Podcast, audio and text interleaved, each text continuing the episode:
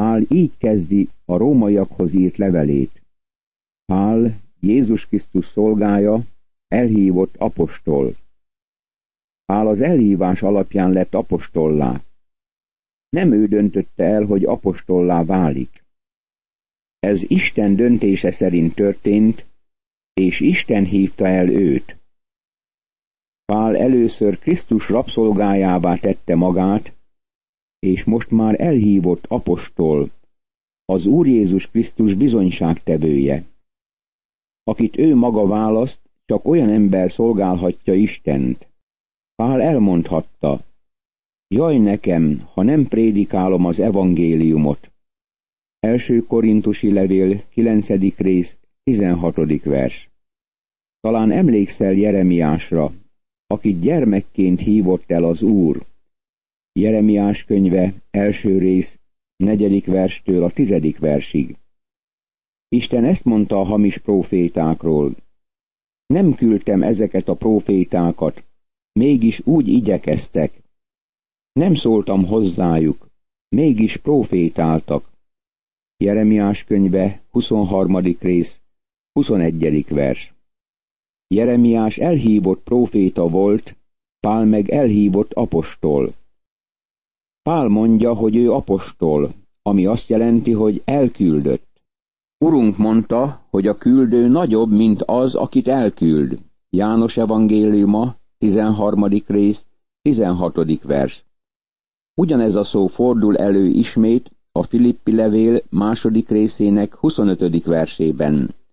A szó értelme az új szövetségben az, hogy az Úr Jézus választotta őt ki az evangélium hirdetésére.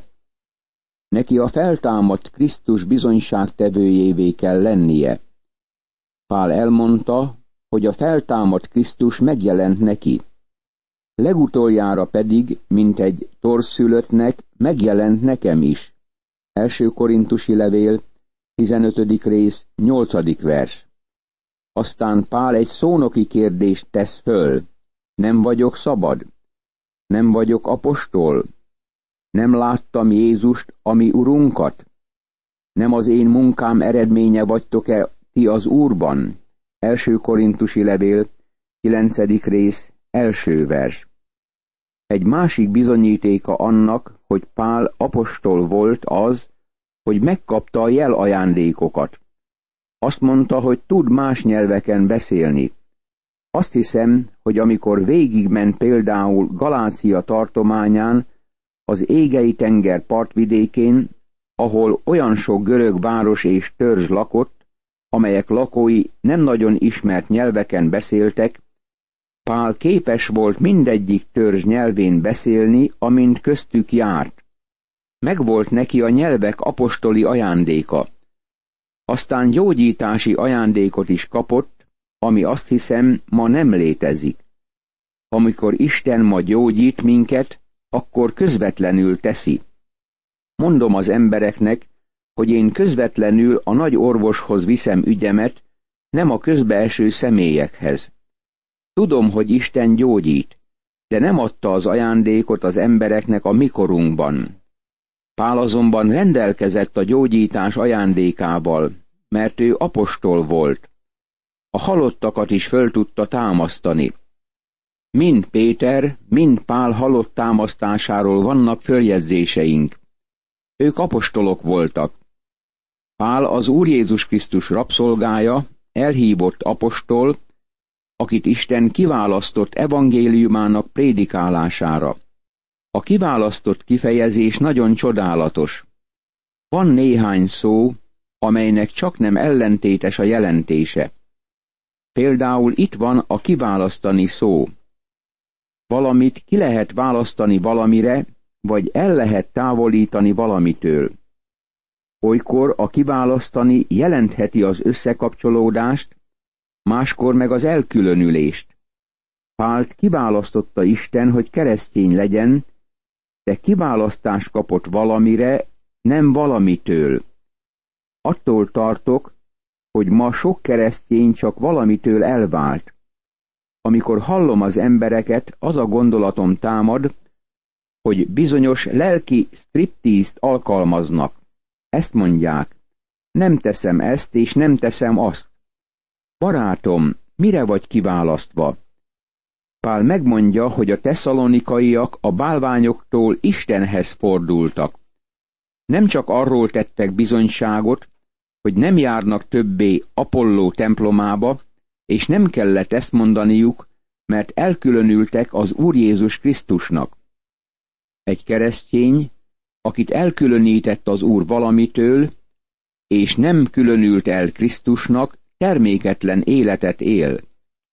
Nincs benne öröm, bírálgat és ítélget másokat.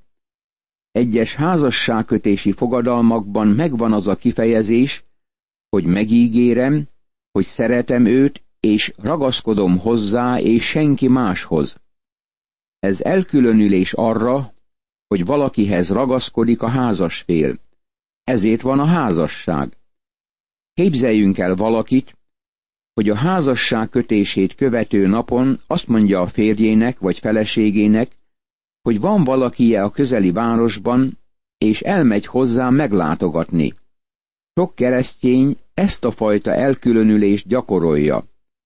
Ha elkülönültél Krisztusnak, akkor vonzó életet élsz, nem pedig visszataszítót. Egy kis kínai lány egyszer így szólt. A keresztény olyan ember, mint a só. A só szomjassá teszi az embert. Gondold ezt végig, barátom. Vajon szomjassá tettél-e már valakit arra, hogy Krisztust, az életvizét kívánja? Az elkülönül szó a görögben aforidzó, ugyanaz, mint amit a horizont szavunk jelent. Megfigyeltem, hogy amikor repülőgépen utazom, akkor a horizont kitágul. Emlékszem egy repülésre, amikor a görögországi Aténből indultam el. A fölszállás után próbáltam meglátni az Akropoliszt és az óceánt, de csak amikor elég távolra jutottunk, akkor láthattam az óceánt, az Akropoliszt, a külső szigeteket, a hegyeket. Minél magasabbra repültünk, annál tágabb lett a horizont. Csodálatos elkülönülni Krisztusnak, mert olyan helyre segít minket, ahol a horizontunk nagyon kitágul. Pál erről beszél az első korintusi levél 13. részének 11. versében, amikor ezt mondja. Amikor gyermek voltam, úgy szóltam, mint gyermek. Úgy éreztem, mint gyermek. Úgy gondolkoztam, mint gyermek. Amikor pedig férfivá lettem, elhagytam a gyermeki dolgokat. Első korintusi levél, 13. rész, 11. vers. Emlékszem arra az időre, amikor fiatal fiú voltam, labdát dobáltunk egymásnak, de mivel kevés volt a fiú, ezért a lányokat is meg kellett hívnunk a játékhoz. Később kinőttem ezt a lányos játékot, és kimentem futballozni. A lányok hívtak, hogy játszam velük, de azt válaszoltam, hogy többé már nem játszom velük, mert futballozni akarok. Új horizont nyílt meg előttem. Ma már a futball sem érdekel, mert valami más köt le. Kitágult a horizontom. Barátom, amikor Krisztus elkülönít magának, akkor az nem azt jelenti, hogy beszűkülünk, hanem azt, hogy kitágul a horizontunk, és számtalan izgalmas és csodálatos élmény vár rejánk. Most figyeljük meg, hogy Pál azt mondja, hogy elkülönítette Isten az evangélium hirdetésére. Más szóval nem ő teremtette az evangéliumot. Amikor mi megjelentünk a színen, az evangélium már több mint 1900 év óta létezett. Ez Isten evangéliuma. Ha elfogadjuk, a miénk lesz. Ha elutasítjuk, elszakadunk tőle. Az evangélium eredete Isten, amelyet profétái által a szent iratokban előre megígért. Római levél, első rész, második vers. Az evangélium nem valami újdonság. Isten megígérte profétái által végig az Ószövetségben. Ez arról szóló üzenet, hogy Isten szereti az emberiséget, és hogy Isten megmutatja az emberiségnek a megváltás útját. Minket szeretet kapcsolatba hoz önmagával. Szeret minket, és értünk adja fiának életét. Milyen csodálatos ez! A második verstől a hatodik versig terjedő ige szakasz zárójelben van egyes fordításokban, ami az evangélium meghatározását foglalja magában. Ez először is Jézus Krisztusról szól. Az ő fiáról szól ez az evangélium, aki test szerint Dávid utódaitól származott. Római levél, első rész, harmadik vers. A ról ragocska görög kifejezése a peri, ami előfordul a periszkóp vagy periméter szavainkban, és azt jelenti, ami körülvesz. Az evangélium teljesen Jézus Krisztusról szól. Azt mondja el, amit cselekszik. Ez az ő fiáról szól, ami Urunk Jézus Krisztusról. Itt megtaláljuk teljes elnevezését. Ő Isten fia, és ő Jézus Krisztus, ami Urunk. Ez csodálatos név. Gyakran halljuk manapság, hogy szükségünk van Jézus vallására. Barátom, neki nem volt vallása. Neki nem volt rá szüksége. Ő Isten. Nekünk ma olyan vallásra van szükségünk, ami Jézusról szól, ami őt veszi körül, ami arról szól, amit ő tett. Jézus Krisztus valóságos Isten. Őt imádnunk kell. Valaki ellenkezik ezzel. De Jézus imádkozott, igen, mert beilleszkedett az emberiség helyzetébe. Imádkozott Lázár sírjánál, ahogy a Biblia mondja.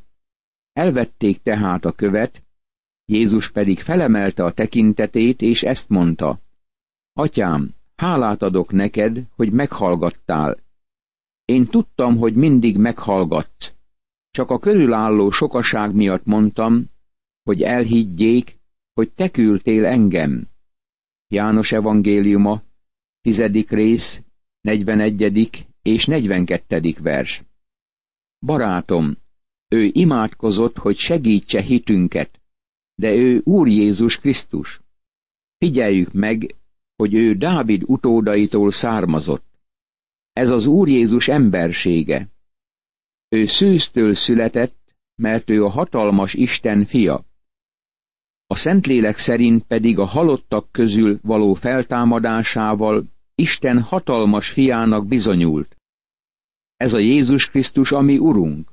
Római levél, első rész, negyedik vers. Láthatjuk, hogy a feltámadás nem tette őt Isten fiává. Egyszerűen kinyilatkoztatta, hogy ő kicsoda. A bizonyult szó ugyanabból a görög szóból ered, mint a horizont, amit már láttunk korábban. Jézust bizonyították, ő feltűnt a horizonton, ő Isten fia. Ez bemutatja Krisztus teljes emberségét és teljes istenségét. Az egyik legrégibb hitvallás az egyházban azt mondja, hogy ő embertől származott ember, és Istentől származott Isten. Pál ezelőtt mondta ezt, mielőtt hitvallás létezett volna. Itt áll előttünk. Jézus Krisztus többé nem ember, mert ő Isten, és többé nem kevesebb Istennél, mert ő ember. Ő Isten ember. Isten fiának bizonyult a Szentlélek szerint. Ez azt jelentheti, hogy Jézusnak emberi szelleme volt, de személyesen úgy érzem, hogy ez a Szentlélekre utal. Azt hiszem, hogy itt a Szent Háromságot kell magunk előtt látnunk. Most figyeljük meg, hogy Isten fiának bizonyult a halottak közül való feltámadásával. A feltámadás bizonyít mindent. A feltámadás mutatja be őt, mint Isten fiát. Ahogy olvassuk a Bibliát, fölfedezzük, hogy az Úr Jézus Krisztust az ő feltámadási hatalmában mutatja be az írás. Először láthatták őt testének napjaiban a földön járni, kelni, emberektől megvetetten és elutasítottan. még gyengeségében is látható volt, amint leült pihenni egy kútnál, és aludt a tengeri vihar idején. Végül utálatossá és gyalázatossá vált a kereszten, míg meghalt. Jól lehet a fájdalmak férfia volt, és megismerte a gyászt, eljött az az idő, amikor feltámadt a halálból. Feltámadása bizonyítja, hogy igazat mondott ezekkel a szavakkal. Ő így folytatta. Ti lentről származtok, én pedig fentről származom. Ti e világból származtok, én nem e világból származom. János evangéliuma, 8. rész, 23. vers. Izrael poros útjain járt, de az az idő elmúlt. Visszatért a halálból nagy hatalommal. Feltámadása bizonyítja szűztől való születését. Ő Isten hatalmas fia. Aztán itt van egy másik nagy igazság. Látjuk Krisztust, aki feltámadt, és jelenleg Isten jobbján ül a mennyben, közben járva a hívőkért, és erőt, vigasztalást nyújtva nekik. Ember van a dicsőségben, de az egyház elveszítette őt a szeme elől.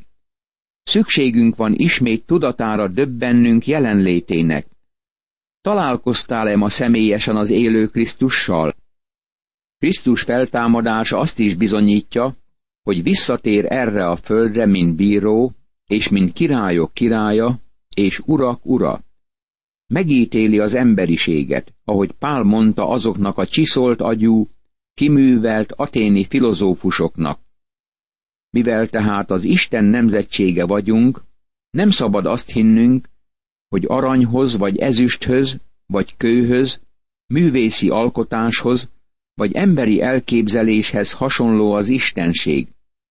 A tudatlanság időszakait ugyan elnézte Isten, de most azt hirdeti az embereknek, hogy mindenki mindenütt térjen meg.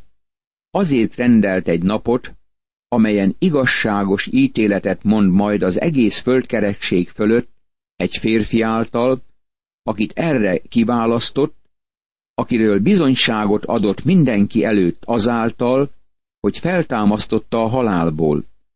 Apostolok cselekedetei, 17. rész, 29., 30. és 31. vers.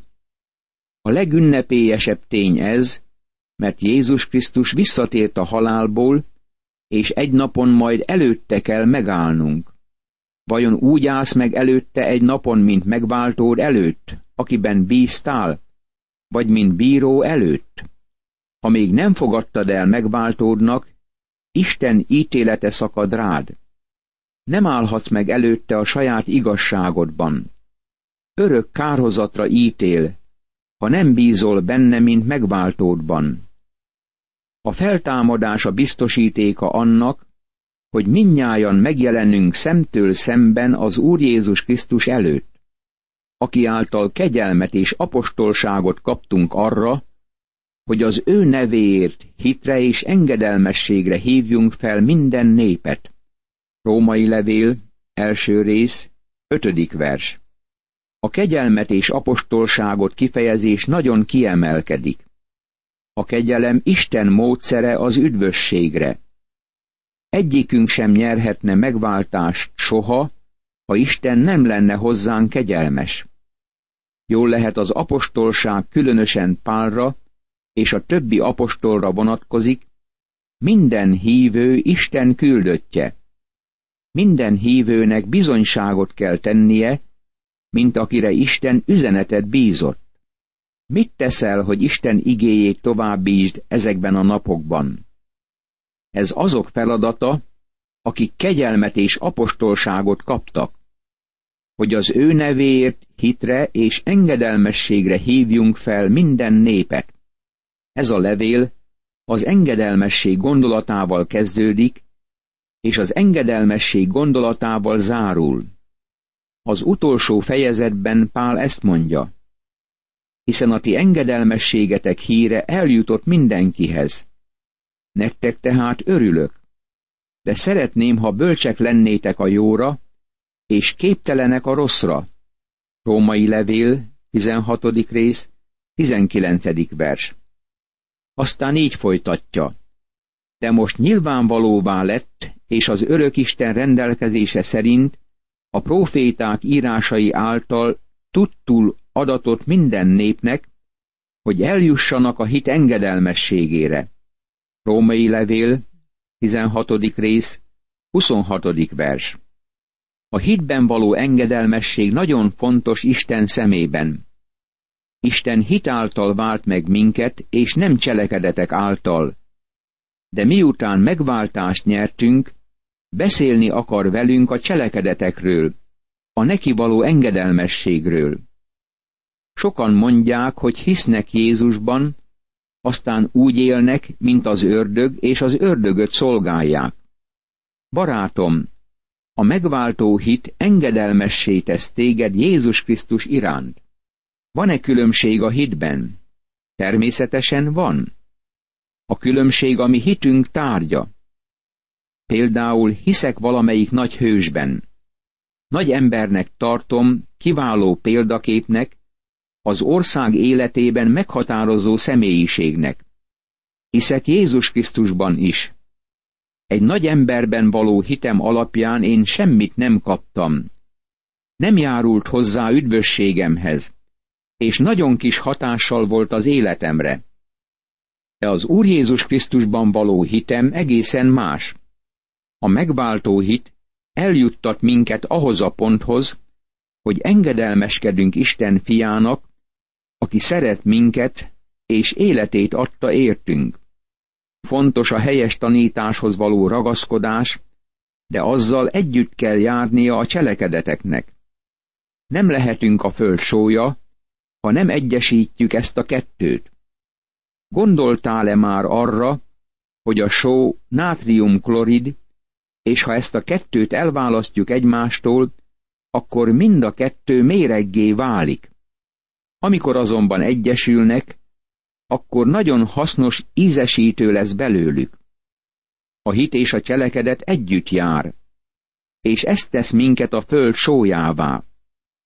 Kedvenc énekem az, hogy bíz és engedelmeskedj. Imádkozzunk. Uram, köszönöm neked Pálapostól példáját, aki hit benned és engedelmeskedett, amikor elhívtad őt a szolgálatra. Szeretném őt követni, és kérlek, adj erőt ehhez szent lelked által. Ámen.